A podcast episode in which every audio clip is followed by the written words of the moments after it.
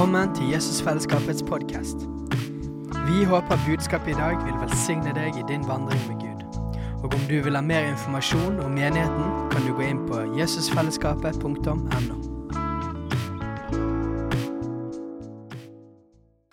Yes. Så temaet er altså en livsstil av tilbedelse. Og eh, det er jo en ting som er viktig sånn uansett, men konteksten er at eh, vi er fortsatt i gjenoppbygging av menigheten, og vi setter kultur på ting. Og eh, da vil vi sette på plass en del viktige ting. Og dette året her, 2019, eh, så har jeg opplevd at, eh, at Gud har talt om at vi skal fokusere spesielt på bønn. Og da mener vi bønn i, på, i stor definisjon. Søke Hans ansikt, søke Han spesielt dette året for en større utøselse av Den hellige ånd. Og Vi er midt inne i det. Vi er ikke ferdig med det i det hele tatt. Vi skal søke Gud videre i. Og, og det er tre områder spesielt innenfor dette med bønn som, som jeg opplevde å få i en litt sånn setning fra Gud. At 2019 handler om å skape en landingsplass for Den hellige ånd gjennom lovsang, bønn og faste. Skape en landingsplass for Den hellige ånd gjennom lovsang, bønn og faste. Og eh, Da er lovsangsbiten en veldig veldig viktig bit av det. Og eh, livsstil, som jeg sa sist gang, livsstil jeg liker å ha som tittel på omtrent alle mine taler. Enten livsstil eller kultur av. Um, og det handler om at uh, jeg, jeg, tror at mer enn at vi bare har liksom noen fine andakter og noen fine ord som oppmuntrer oss der og da, så har jeg et hjerte for å bygge. Uh, bygge noe som gjør at det blir en del av oss.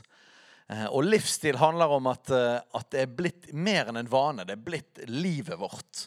Dette er noe vi vandrer av, noe vi lever. Og eh, hvis mange av oss har en livsstil av noe, da blir det ikke bare individuelt, men da blir det en kultur.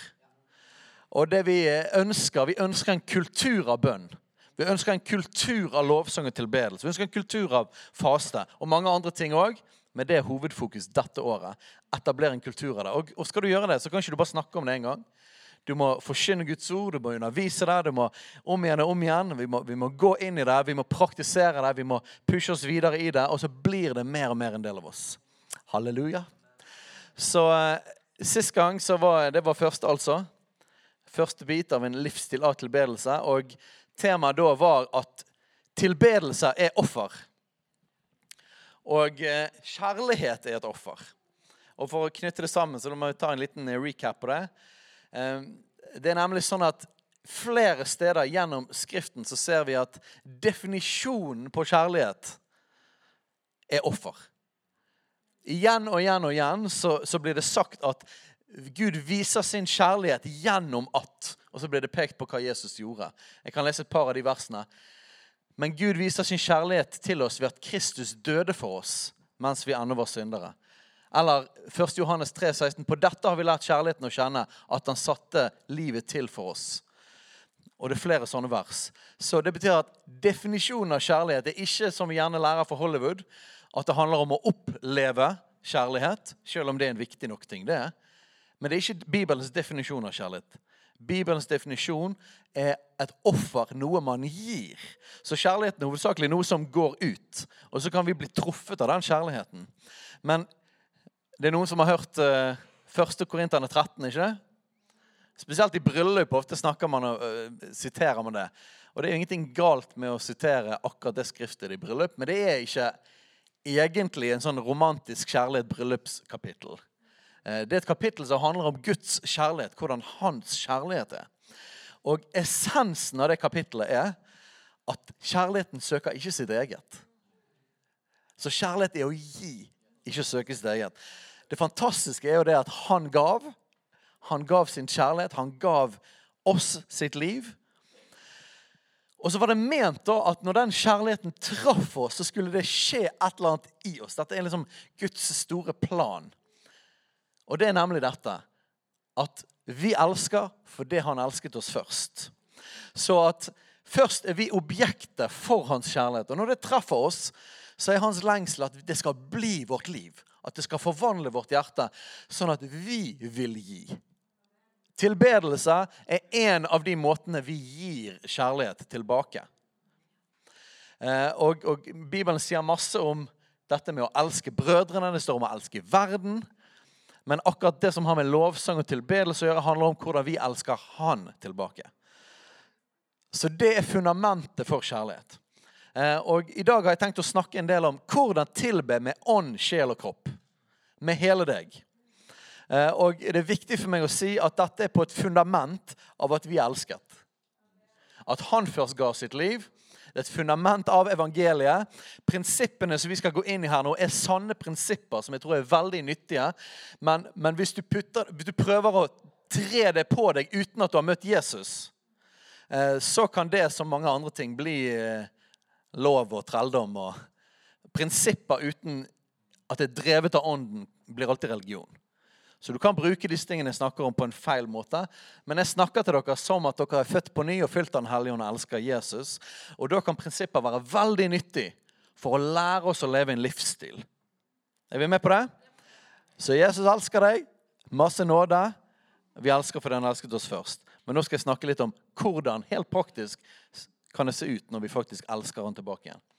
Så da må vi gå inn i jeg Oh, det er vanskelig å ikke bare ta alt om igjen, som jeg sa sist gang, men eh, vi skal må komme oss videre. Jeg tar dette verset iallfall. Hebreerne 13, 15-16.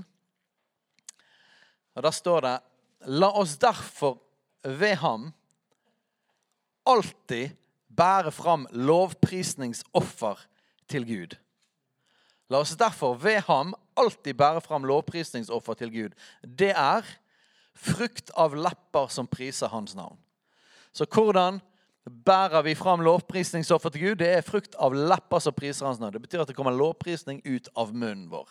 Det er et lovprisningsoffer. Eh, og her står det 'la oss ved ham alltid'.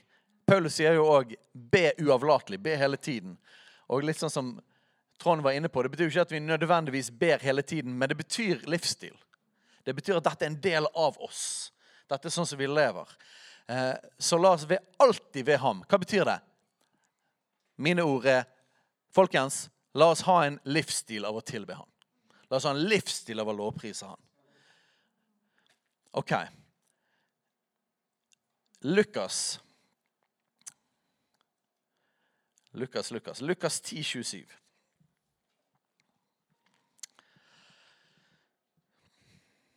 Der står det noe som eh, Jesus kaller hjertet av loven, eller hjertet av hele, hele Det gamle testamentet. Men dette det er mer enn hjertet av loven. Jeg tror dette her er hjertet av Guds lengsel for menneskeheten. Dette er på en måte hans, hans store lengsel da han skapte oss. Lukas 10, 27 er det Jesus sier. Han svarte og sa, du skal elske Herren din Gud av hele ditt hjerte og av hele din sjel og av all din kraft og av all din forstand og de neste som deg selv. Du skal elske Herren din Gud av hele ditt hjerte, av hele din sjel og av all din kraft og av all din forstand. I den gamle pakt så var jo det et krav. da, Du skal elske. Men problemet er jo det at vi får ikke det til. Og det gjelder jo med alle ting som vi er designet til. Ingen av de tingene får vi faktisk til sjøl. Men dere kan jo evangeliet, og den nye pakt er sånn at fordi vi ikke fikk det til, så gjorde han det for oss. Han gjorde det for oss. Men når han gjorde det, og vi tok imot det, så skjedde det noe i hjertene våre. Flere plasser så står det om at vi har fått et nytt hjerte, en ny ånd. Loven ble skrevet i våre hjerter. Så det som vi før i den gamle pakt, så måtte man prøve å gjøre det, og man fikk ikke det til. I Romerbrevet står det at eh, i Romerne 3 står det at loven var til for at vi skulle komme til erkjennelse av synd. Vi skulle skjønne at vi ikke fikk det til. Sånn at vi skjønner at vi trenger Jesus. Men når vi kommer til Jesus, når vi tar imot han, så skjer det et eller annet inni oss. Da blir faktisk Den hellige ånd lagt inni vår ånd. Den hellige ånd flytter inn i vår ånd. Og plutselig så er den det Gud lengter av oss, den lengselen fyller plutselig inni oss. For det betyr at når vi er født på ny, så ønsker vi dypest inni oss, av alle som er kristne, som har Guds ånd, så ønsker vi å elske Herren vår Gud. Av hele vårt hjerte, av hele vår sjel, av all vår kraft og av all vår forstand. Er ikke vi det? Så nå forkynner vi ikke at vi skal prøve å gjøre noe som vi må klare sjøl. Nei, nå forkynner jeg ut det som er sannheten, som han allerede har lagt i oss. Dette er vår lengsel. Dette er det vi vil. Vi vil tilbe Han. Vi vil det. Hvis ikke vi vil egentlig dypest sett i oss tilbe Han, så har vi ikke Guds ånd. For dette står om Den hellige ånd. Hva står det om han? Hva gjør han i forhold til tilbedelse? Han herliggjør Jesus. Du skjønner? Han herliggjør Jesus. Jeg skal si litt mer om det etterpå. Men eh, for å si det på min måte vi har verdens beste lovsangsleder boende inni oss. Han bor i oss. Og Jeg var innom sist gang noe som er veldig veldig viktig inni hele dette temaet. Det er å lære forskjellen på vår ånd og våre følelser. Hva er det stor forvirring? Populært blir hjertet og følelsene sammenblandet i vår kultur. Sånn at vi sier at jeg gjør noe fra hjertet, så tenker vi at det betyr at jeg, jeg, jeg, jeg føler det. Jeg føler for det. Mens i Bibelen, og jeg har gått gjennom alle steder som det står om hjertet i hele Bibelen, Gamle og Nyttestamentet, og hjertet blir aldri sammenlignet med følelser. Faktisk så måtte jeg se i dag, Hvor mange ganger står det følelser i Bibelen? Det står to skriftsteder. Eh, begge i Det gamle testamentet, og det handler ikke om dette i det hele tatt. Eh, det betyr ikke at ikke følelser fins. Vi kommer til dem. Men hjertet er det dypeste av oss. Det er det dypeste inni oss. Og det dypeste inni oss, det er vår ånd. Så hjerte og ånd er det samme i Bibelen. Mens hjerte og følelser er ikke nødvendigvis det samme. Så når jeg sier det at dypest i oss så vil vi tilbe Han I vårt hjerte så kommer det Jeg vil tilbe deg av hele mitt hjerte, hele min sjel, all min kraft, alt i meg. Så kommer det fra vår ånd. Det betyr ikke at vi alltid føler for det. Og det er to forskjellige ting. Så vi trenger å lære å begynne å leve fra vår ånd. Eller enda rettere sagt fra Den hellige ånd i vår ånd ikke å leve fra vår sjel eller vår kropp. Og Det skal vi gå mer inn i i dag. Hvordan ser det ut å leve fra vår ånd? Og nok en gang, jeg må si det, det er ikke det samme som å leve etter følelsene. Tvert imot mange ganger. Sjelen har sin plass. Den er viktig. Gud har skapt oss med en sjel. Men å leve fra vår ånd er å leve fra det dypeste stedet i oss. Og inni der, der bor Den hellige ånd. Det betyr at om du er i en situasjon og nå er konteksten lovsang, Dette gjelder jo alltid livet med Gud. Men hvis du er i en situasjon La oss si en lovsangssituasjon på et møte. Og så kan det være det at du ikke føler for Følelsene dine spiller ikke på. Du føler ikke for å lovprise Han. Så vil jeg likevel påstå at hvis du er født på ny, så er din dypeste lengsel å tilbe Han. Så de stemmer ikke overens da. Så det betyr at vi, på det tidspunktet kan vi ikke stole på følelsene våre. Vi må gå etter hjertet vårt. Det å følge hjertet sitt i det tilfellet er å følge Den hellige ånd, den beste lovsangslederen i verden, som bor inni deg. Det er det dypeste i oss. Veldig ofte så blir vi lurt til å tro at hvis vi ikke lever etter følelsene, så er det falskt eller uekte. Det fører til et veldig, veldig skummel livsstil. Og, og, jeg må alltid si dette, sånn disclaimer på dette. Jeg er en veldig følsom person. Jeg er skapt på en sånn måte at jeg registrerer følelsene, veldig kontakt med følelseslivet mitt. Alle har ikke det på samme måte, og det er helt greit. Så jeg snakker ikke om at følelser er negativt, eller at vi skal bli en robot. Det, det er bare å snakke om å putte følelsene på rett sted. Og det er veldig skummelt, spesielt hvis du er en følelsesmessig person, å ha de liksom i framsetet i ditt liv. Kjempeskummelt.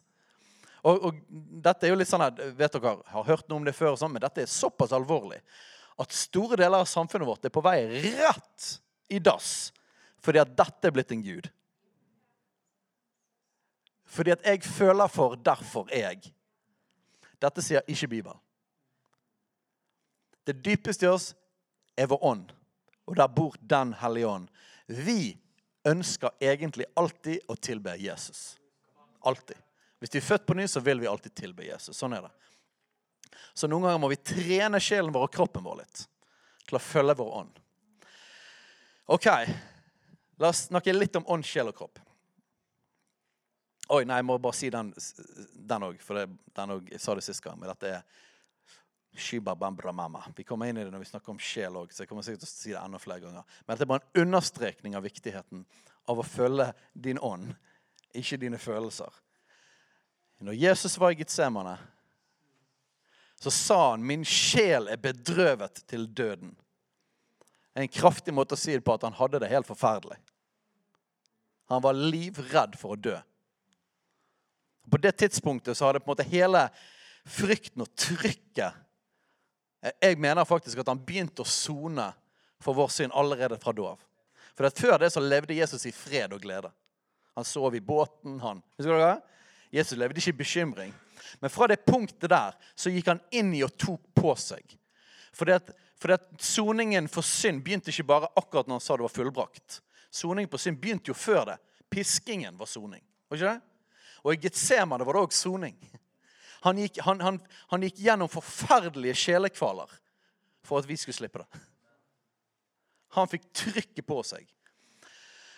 Og Han sa, 'Min sjel er bedrøvet til døden.' Og Så spurte han disiplene, 'Please, våk med meg. Vær med å be en time, i alle fall.'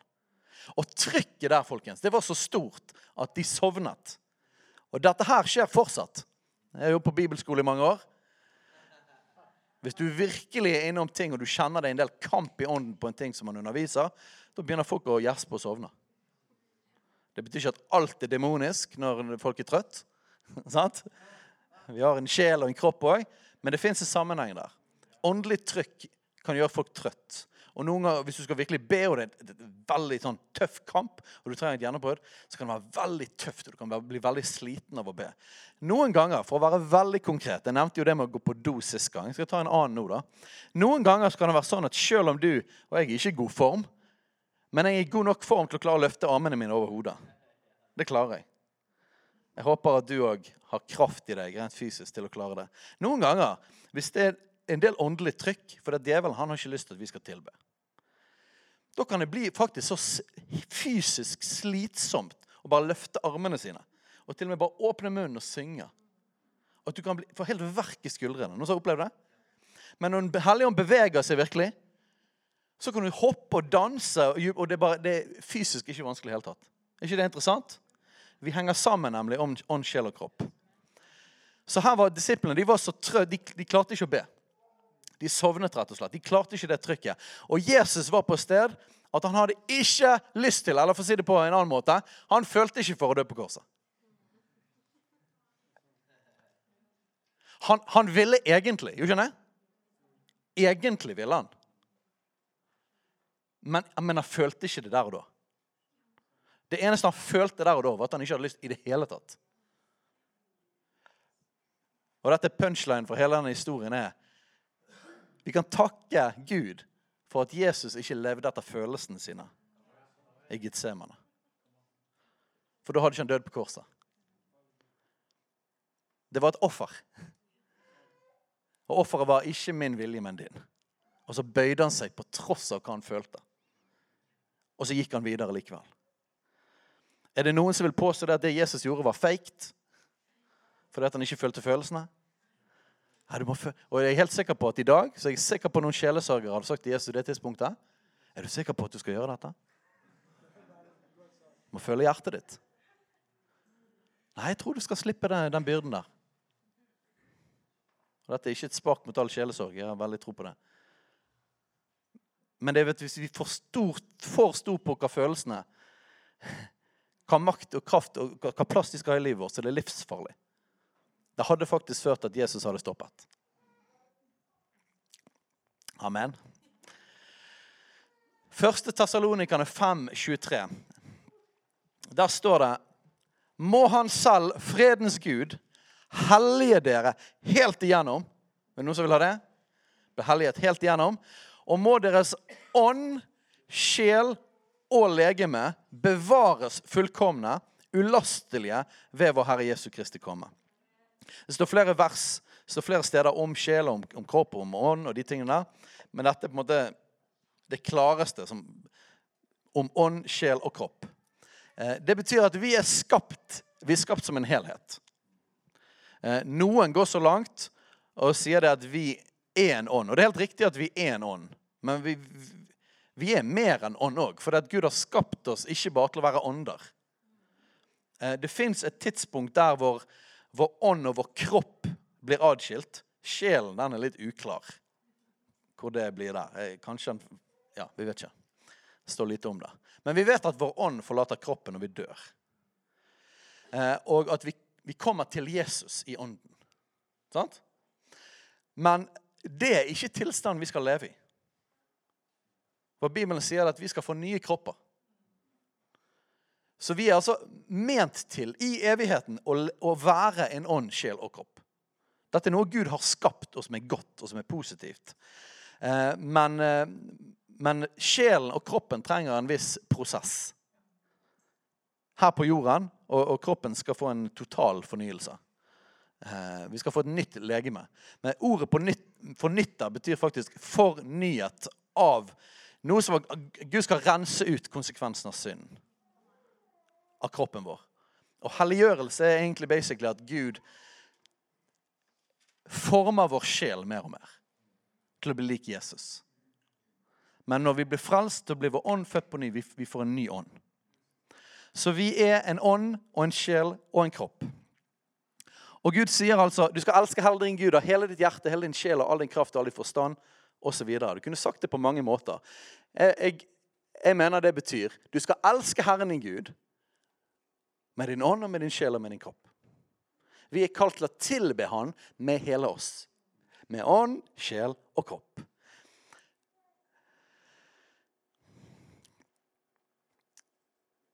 Ånd, folkens. Det er ikke så ofte vi pleier å snakke om ånd. Vi snakker om ånd og ånd og sånn det. Det står masse, veldig mye skriftsteder om ånd. Det hebraiske ordet for ånd, det er Roah, det er Guds pust. Eh, det greske ordet for ånd, det er pneuma. Og det betyr òg pust. Så ånd og pust er samme ordet. Eh, eller vind. Johannes 3, 5 og 6. Jesus sa, 'Sannelig, sannelig sier jeg deg, uten at en blir født av vann og ånd, kan en ikke komme inn i Guds rike.' For det som er født av kroppen eller kjøttet er kjøtt, og det som er født av ånden, er ånd. Jeremia 31, 33. Men dette er den pakten jeg vil opprette med Israels hus etter de dager, sier Herren. Jeg vil gi min lov i deres sinn og skrive den i deres hjerte. Jeg vil være deres Gud, og de skal være mitt folk. Så når vi blir frelst, ja, ta en til. Romerne 10,9. For dersom du med din munn bekjenner at Jesus er Herre, og ditt hjerte tror at Gud oppreiste ham fra de døde, da skal du bli frelst. Med hjertet tror en til rettferdighet, og med munn bekjenner en til frelse. Hvis, ånd, hvis hjerte og følelser er det samme, så hadde jo det betydd at hvis vi føler at Jesus sto opp for de døde, så blir vi frelst. er det noen som tror at det er sånn det funker?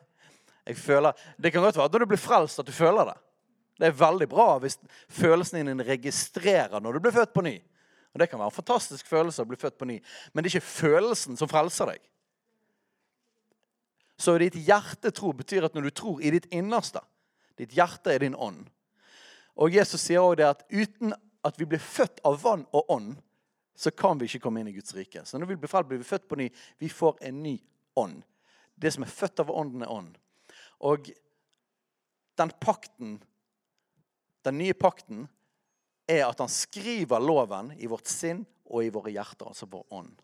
Så vi blir frelst gjennom ånd. Vi blir frelst gjennom at vår ånd blir født på ny. Jeg må ta en, en av mine favorittvers. Det er masse bibel. Jeg bare dundrer gjennom det. Johannes 7, 37-39. Men på den siste store dag i høytiden sto Jesus og ropte ut. Om noen tørster, han komme til meg og drikke. Og den som tror på meg, som Skriften har sagt, fra hans indre skal det flyte strømmer av levende vann. Dette sa han om den ånd de skulle få, de som trodde på han.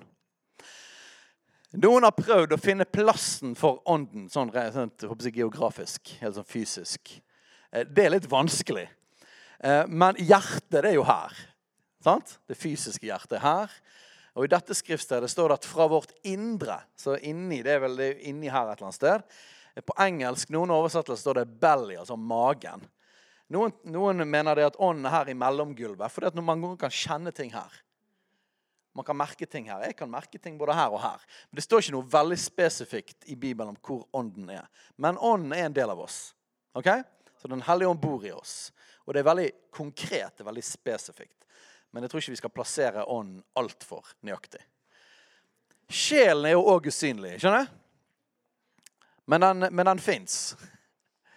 Um, plassere sjelen er enda vanskeligere. Men sjelen har tre bestanddeler. Det er den vanligste måten man forklarer sjelen på. Uh, det står iallfall masse i Bibelen om tanker eller om sinn. Så sinn og tanker er noe som er anerkjent i Bibelen. Det fins. Vi kan tenke. Og vi pleier å plassere det her, ikke det? For dette her er hjernen. Det er vanskelig likevel å plassere tanker fysisk et sted. Men vi tenker at her, her er tankene. Så har vi en annen side av oss som vi vet som er en veldig, veldig viktig side, og det er vår vilje. Gud ga oss, ga Adam og Eva en fri vilje. Han ga dem evnen til å bestemme. Og det er en fantastisk gave. Eh, på mange måter er det det som gjør oss lik Gud. Er ikke det? Gud ga oss en egenskap til at vi faktisk kunne velge. Og helt konkret, Dere kan historien fra Adam og Eva i hagen og treet til kunnskap om godt og ondt. Men vi fikk altså muligheten til å velge. Og, og det var ikke bare i Edens hage. Men sånn var det òg videre etter Jesus døde og sto opp igjen. Jesus tvang ikke alle til å bli frelst. Faktisk er det sånn at Gud helt bevisst Han åpenbarer seg, men han gjør det aldri dundrende klart. Han gjør det alltid sånn at tro er nødvendig. Han gjør det alltid sånn at det er nok til at de som har ører, hører. Men først og fremst har det med velger vi å ta imot eller ikke. Og Fortsatt er det sånn med evangeliet. Vi kan velge å følge han, eller velge å ikke følge han. Så vår vilje er en helt fantastisk ting. Vi, kan, vi har til og med fått en, en vilje som Og takk Gud for det det finnes noen som er A-mennesker. De våkner av seg sjøl om morgenen. Andre må ha vekkerklokker. Og jeg er sikker på at de fleste som bruker vekkerklokke og alarm om morgenen, verken føler for eller har tanker om å stå opp når vekkerklokken ringer. Det er ikke hovedsakelig tankedrevet eller følelsesdrevet. Det er heller ikke kroppen som spiller på lag. For veldig ofte hvis man ikke er A-person, så, eh, så, kjenner man at kroppen ikke har lyst til å stå opp, men kroppen har lyst til å sove. Er det noen som kjenner meg igjen her? Her bare for å bruke som et bilde på forskjellen på disse delene av oss. Så når vekkerklokken ringer, så er det mest av alt så er det viljen som gjør at vi står opp. Er ikke det? Så det betyr at vi bruker viljen vår hver eneste dag. Og vi vet at vi må Vi vil ikke bare leve i disiplin. Vi er ikke kun disiplinfolk og roboter og sånn. Men vi vet at uten evnen til å velge når vi ikke føler for og kroppen ikke vil, så hadde ingen av oss hatt jobb. Er ikke det riktig? Så viljen er ekstremt viktig. Så sjelen består eh, av våre tanker, av vår vilje, vår evne til å bestemme oss for ting, og våre følelser. Ok. Og så har vi vår kropp. Den er, den er veldig enkel og grei. Kroppen er liksom det du ser. Det er vår fysiske styrke, vår fysiske evne. Og når Gud sier det at dere skal elske, skal elske Herren i Gud Kort fortalt med ånd, sjel og kropp hva betyr det? Jeg tror Og nå skal jeg bli veldig, veldig praktisk før vi avslutter. Jeg tror at nøkkelen ligger å begynne å leve fra vår ånd. Og så fins det faktisk en vei. Og Jeg skal tegne den opp for dere neste gang på en whiteboard. Men jeg nevner den nå. Jeg tror det fins en vei, helt praktisk, til å tilbe Han med ånd, sjel og kropp så du kan følge helt spesifikt i en lovsangsituasjon. Dette gjelder jo for mye mer enn lovsang i livet. Dette, dette, gjelder et liv i å følge ånden eller å være et fungerende menneske. Men i lovsang så kan du gå denne veien. Nummer én så begynner det i din ånd. Det neste stedet jeg ville gått, det er viljen. Det begynner i din ånd, ditt hjerte, og så kan du bruke det redskapet, den biten av det Gud har gitt deg, din vilje, som gjør at du kan bestemme deg for noe. Med viljen så kan du bestemme over både kroppen din, og så kan du bestemme over tankene dine. Har du tenkt på det? Så hvis du tenker Og dette er det mest typiske. La oss si at du har negative tanker. Er det noen som har hatt det noen gang? Så er det faktisk mulig å snakke til tankene sine, eller styre tankene sine gjennom viljen. Og Vi skal se mer nøyaktig på dette etter hvert. Men en annen måte å en, en, en, en, bibelvers på dette er ha blikket festet på Jesus. Ha blikket festet på Jesus. Hva betyr det? Når Bibelen oppfordrer oss til å ha blikket festet på Jesus, så er det fordi at blikket vårt kan gå andre veier. Som gjør at vi trenger ikke å få oppfordring til å ha blikket festet på Jesus når vi faktisk ser på Jesus. Da går jo det ganske av seg sjøl. Men, men, eh, den praktiske oppfordringen her kommer inn når vi ikke automatisk har blikket festet på Jesus. Og noen lurer på, Det er jo billedlige greier i Bibelen. hele tiden. Blikket festet på Hva betyr det? For vi ser ikke Jesus fysisk nødvendigvis. I hvert fall ikke som oftest. Så det betyr at vi må se han med vår, vårt indre. Sant? Se han med vår ånd. Og Jesus han er jo der alltid. Og Den hellige ånd bor i vår ånd alltid. Så hva betyr det helt praktisk å ha blikket festet på Jesus? Jeg tror det betyr å velge å tenke på Jesus. Og dette er veldig mulig. Dette praktiserer jeg masse. La oss si at du står der og skal du tilbe Jesus, og så er tankene dine på Dette er en fæl dag. Det er masse negative ting. Det er ting som jeg er redd for, det er ting jeg bekymrer meg for. Og kanskje følelsene dine, til og med på et annet sted, Følelsen sier ah, 'Jeg føler meg ikke elsket.' Eller du bare føler en dårlig følelse. Så på det tidspunktet så hjelper verken tanken eller følelsene deg å tilbe. Er det? Og som oftest, hvis det er sånn, så pleier ikke kroppen å hjelpe til heller. Så kroppen pleier å følge der følelsene og tankene går, hvis du ikke bestemmer over, over dem. Så det betyr at hvis tankene dine og følelsene dine er på et sted som gjør deg nedtrykt og tar deg vekk fra Jesus, så vil ikke du bli tatt inn i tilbedelse. Med mindre noen bare Den hellige ånd kommer bare og drar deg inn. Og det skjer en del ganger. Men nå skal vi lære å bli voksne og leve fra vår ånd. Ok? Og ikke bare leve sånn at når En hellige ånd kommer så sterkt, og til og med følelsene våre registrerer det. Og så drar vi inn. Da, det er fint at Den hellige ånd drar oss inn, men da er vi fortsatt basert på følelser. Vi fortsatt lever etter det, ikke etter vår ånd. Og jeg har lyst til å, være, jeg har lyst til, har lyst til å følge ånden. Så det som skjer helt praktisk, er det at uh, tankene mine sier at uh, ting er elendig, følelsene mine sier elendig, kroppen min sier at dette er elendig. Ok. Da er det mulig òg. Dette er så simpelt, så enkelt og samtidig såpass utfordrende å snu en livsstil etter. Det man kan gjøre da, man kan begynne med viljen. Og husk at Tilbedelse kommer ikke derfor, det kommer fra din ånd. Men fra din ånd, der tilber du alltid. Den beste lovsangslederen i verden har bor i deg. Så du trenger ikke å vente på din ånd. Den er der. Europa skal bli frelst. Klokken er fem. Og bekjenner vi at Europa skal bli frelst. Gjennom hele Europa er det folk som gjør det.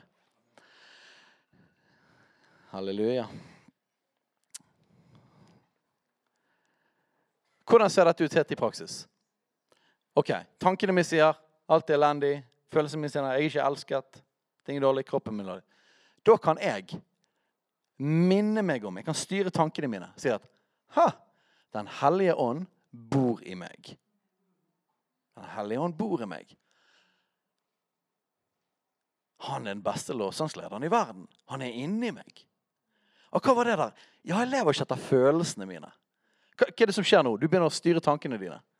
Du begynner å styre og velge hva du skal tenke. Og så løfter man blikket på Jesus. Hvordan ser det ut? Gud, du er god alltid.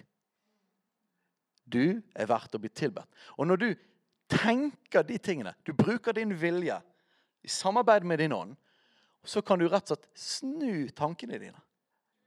Og plutselig så blir tankene dine fylt av at Gud er god. Gud er god. Noe jeg må gjøre mange ganger hvis jeg kjenner motløshet kommer, det å minne tankene mine om alt Gud har gjort for meg. Hvor trofast han er. Alle gode ting i livet mitt. Så begynner jeg å snu tankene mine til takknemlighet. Ok, Da har du kommet en god vei, god, på god vei. Da har du brukt fra din ånd, så brukt viljen din. Så begynner du å snu tankene dine. Det som skjer etter det, Vent med følelsene. De er mest ustabile. De bør man vente med til slutt. Ok? Den neste tingen du gjør, det er at du setter i gang kroppen din. For at Gud han ønsker at vi skal gi oss ånd, sjel og kropp i tilbedelse til ham. Jeg får ikke tid til alle versene på disse tingene nå, men jeg har lyst til at dere får noe av denne praktiske biten før vi slutter i dag. skal jeg fortsette videre på dette. Kroppen din, hvordan ser det ut? Og Nå er konteksten tilbedelse. Dette kan, dette kan du bruke på alt mulig. Men konteksten er tilbedelse. La oss si det er lovsang sånn som dette. Én ting som du kan gjøre, det er å sette kroppen i bevegelse, folkens. Her er et tips. Jeg liker å sitte stille og bare være stille for Gud. Jeg liker det. Jeg liker å ligge flat og bare ta imot. og På moderne kalles det soaking. Vær stille for Gud. Veldig viktig, veldig bra. Jeg vil si at det meste av min tid med Jesus er jeg stille. Ok?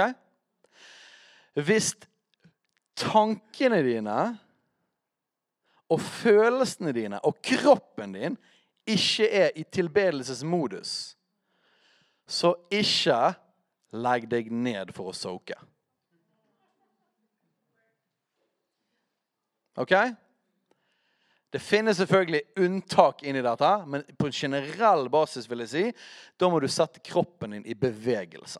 Da må du hjelpe kroppen. Hva biter av kroppen? En av bitene er beina, så da står du på føttene dine. Hvorfor det? Fordi at eh, med, med kroppen så viser vi da at vi er, vi er aktive. Sant? Fordi at når vi skal tilbe, så er det jo et offer, ikke? Så da, da er vi i givermodus. Vi skal selvfølgelig ta imot masse av Jesus. Evangeliet er at vi skal ta imot av han, men det er òg at vi gir til han.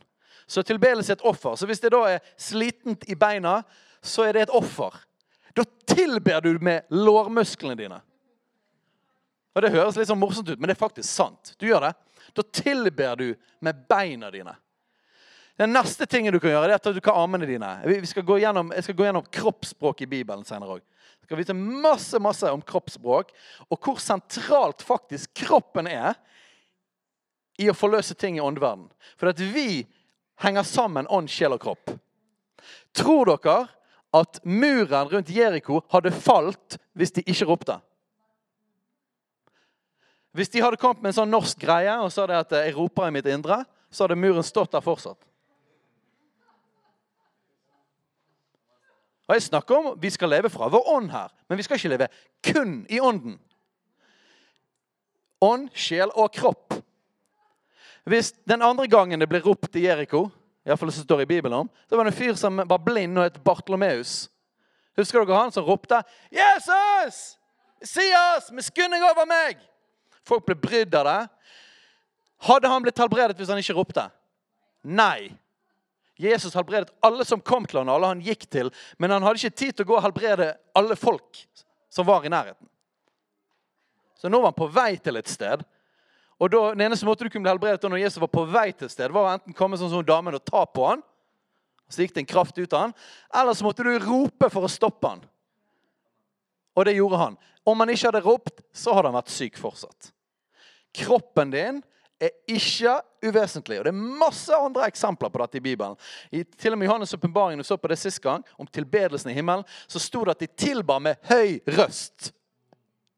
Vi er ikke bare ånd, folkens. Vi er òg kropp. Kroppen vår har noe å si. Hele deg. Ånd, sjel og kropp. Shababa. Det neste du tør, du tar armene opp. Vi skal snakke om kroppsspråk, som sagt. Neste tingen du gjør, det er å bruke stemmen din. Han har gitt deg en tunge, og han har gitt deg en fin sangstemme eller ikke så fin. Det er ikke vesentlig. Du, I tilbedelse så gir vi. Vi ofrer fra det vi har fått av han. Vi gir tilbake av det vi har fått. Dette er en ting som jeg har sagt mange ganger når folk syns det er vanskelig å tilbe. Sånn. Om ikke du har andre grunner å tilbe han med å løfte armene dine, enn at du faktisk har armer, så er det god nok grunn. Takk Gud for at du har armer, og bruk dem til å tilbe han. Om du ikke har annen grunn til å synge enn at du faktisk ikke er stum, så ofre han stemme og den sangstemmen han har gitt deg, til han. Og om du ikke liker å synge, beklager, det står om synging i himmelen. Det er ikke den eneste måten å tilbe på. Selvfølgelig ikke. Vi tilber tilbe med alt det vi er, med hele livet vårt, med ånd, sjel og kropp. Men synging er en sentral del av tilbedelse. Gjennom hele Bibelen, folkens. Vi slipper ikke unna det. Så ofre til han med stemmen din. Og ikke det, Jeg vet ikke om dere husker hva vandringen vi var på vei. Det var ånd, og så var det viljen, og så var det tanken, og så nå var vi kommet til kroppen. Følelsene dine Her er mitt råd til de. Ikke tenk på de engang. For følelsene er kun et termometer. Det er ikke en termostat. Det er en fantastisk evne Gud har gitt oss til og med en evne vi har, fange opp forskjellige ting. Men følelsene våre kan fange opp alt mulig. Og følelsene våre er best når de fanger opp det som er sant. Og de fanger opp himmelen. De er veldig dårlige når de fanger opp andre ting. Iallfall i en tilbedelsessituasjon. Er du med på det? Så følelser må du ikke tenke på før din ånd og din vilje og dine tanker og din kropp allerede er i gang med å tilbe. Det skal love deg da, at følelsene de kommer til å dilte etter, sannsynligvis. Noen ganger er det ikke sikkert at du føler noe i det hele tatt, men du kan fortsatt tilbe. For tilbedelse handler ikke om følelser, det handler om å gi et kjærlighetsoffer til Han. Det står ingenting i Bibelen om hva de følte, de som sto foran tronen og tilba. Og jeg liker følelser. Og jeg kan si deg et lite tips. Alle, uansett hvordan du er skrudd sammen, alle liker gode følelser. Ikke det? Det er ingen som sier 'jeg liker å ha det fælt'. Ingen som gjør det. Ingen som liker å ha det ondt i sin sjel. Den beste måten å ha gode følelser på, er å ikke leve etter følelsene. For Hvis du lever etter noe annet enn følelsene, hvis du lever fra din ånd, og så koblet på din vilje, og så tankene dine og så kroppen din, så betyr det at du går i rett retning. Og når du går i rett retning, så vil etter hvert følelsene dine fange opp det som skjer rundt deg. Og det som skjer rundt deg, at Hvis du tilber og du gir deg til han som et offer, så vil himmelen komme nær. Rett og slett fordi du gir offer til han. Ild faller på offer. Og etter hvert så vil følelsene plukke det opp òg. Om du ikke føler noen ting, så gi han det offeret av tilbedelse uten å føle for det. Tenk på Jesus i Getsemane. Eller mange andre eksempler fra Bibelen. For etterfølgelse og tilbedelse handler ikke om meg sjøl, men det handler om vår fantastiske mulighet å gi noe tilbake igjen. Og dette folkens, er noe av, noe av det Gud setter mest pris på. At vi tilber Han. Og som sagt, det betyr masse mer enn lovsang. Det betyr hele livet vårt. Men lovprisning og lovsang er på mange måter frukten Det står om frukten av lepper. Det er på mange måter frukten av en livsstil. Frukten av et liv i etterfølgelse. For den som det er naturlig å leve i ånden og følge Han, så er det òg naturlig å lovprise Han. Og Som jeg nevnte sist gang, sa, Jesus sa det at vi skulle be om at hans vilje skulle skje på jorden som i himmelen. Og det beste, det mest beskrivende eksempelet vi har av himmelen i Bibelen, er lovprisning. Igjen og igjen og igjen. Så det er det som blir beskrevet. Er det noe som skjer foran tronen, så er det lovprisning. Som betyr at hvis vi skal ligne på himmelen Hvis vi skal ligne på Hvis vi som menighet skal ligne på himmelen, så må det bety at det strømmer opp lovprisning. Og jeg har en sterk mistanke om at når vi tilber som i himmelen, så forløses òg himmelen.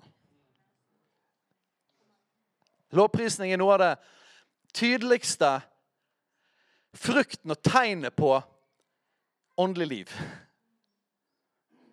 Og Man trenger ikke stort band, man trenger ikke røykanoner, man trenger ingen av de tingene. Samme hva sanger man Det er ikke poenget. Og til vanlig vil man si bare hjertet der. Nei, mer enn det. Hvis din ånd, sjel og kropp er i det. Hvis hele du tilber, da forløser det himmelen. Sånn er det bare. Og jeg har, jeg har som en sånn her eh, greie at jeg vil, jeg vil lære å tilbe. Jeg vil, jeg vil kjenne Han. Jeg vil leve på denne måten. Og uansett hva type sang eller kultur det er, så vil jeg, jeg vil kjenne igjen ånden i det. For jeg lever, jeg lever fra min ånd. Og, og, Jeg har sett klipp fra i Kina. Der synger de ikke sånne sanger som vi synger. De har ikke sånn greie på veggen, og de har ingen av de tingene der. Og de er som oftest ikke instrumenter. De bare pakket masse folk med svart hår inn i et rom. Dere har sett de bildene? Og så synger de av hjertets hals, og så gråter de. Har dere sett det? Jeg er sikker, Om jeg hadde vært der, om jeg ikke kan et eneste ord kinesisk, så kunne jeg tilbedt Jesus med dem. Hver vekkelse så ser man det at folket tilber Gud. Gjennom hele Det gamle testamentet. Den første responsen som skjer når Den hellige ånds ild faller, innvielsen av tempelet, Karmelfjellet, alle disse eksemplene. Hva er det som skjer? De faller ned, og så tilber de Gud. Og så begynner de å ære han og synge til han. Når de kommer over Rødehavet, hva er det første som skjer? De begynner å danse og tromme, og de begynner å tilbe han. Hva er det første som skjer når Jesus helbredet folk og, gjorde mirakler? De begynte å tilbe han. Ikke sjans at vi kan ligne på det Gud har kalt oss til, hvis ikke vi er preget av tilbedelse. Dette går fra begynnelse til slutt i Bibelen. Vi trenger å ha en livsstil av tilbedelse. Vi trenger å få en kultur av tilbedelse. Heldigvis så skrus temperaturen mer og mer opp iblant oss. Det er noe vi både trenger å ta tilbake, og det er noe vi skal gå mye mye lenger i. Vi må være preget av tilbedelse. Men vi må forstå at tilbedelse er i bunn og grunn offer. Det er ikke bare et punkt på programmet. Det er, livene våre som blir gitt. Og vi kan tilbe fra ånd og sjel og kropp. Ok, Mer om dette videre. La oss reise oss opp.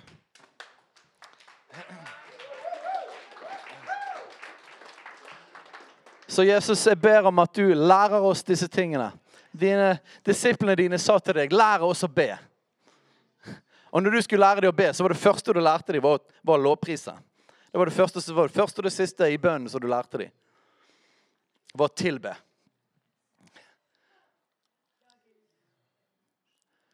Så Gud, vi ber om det samme. Lær oss å be. Lær oss å tilbe. Mer enn noe, la livet vårt være tilbedelse.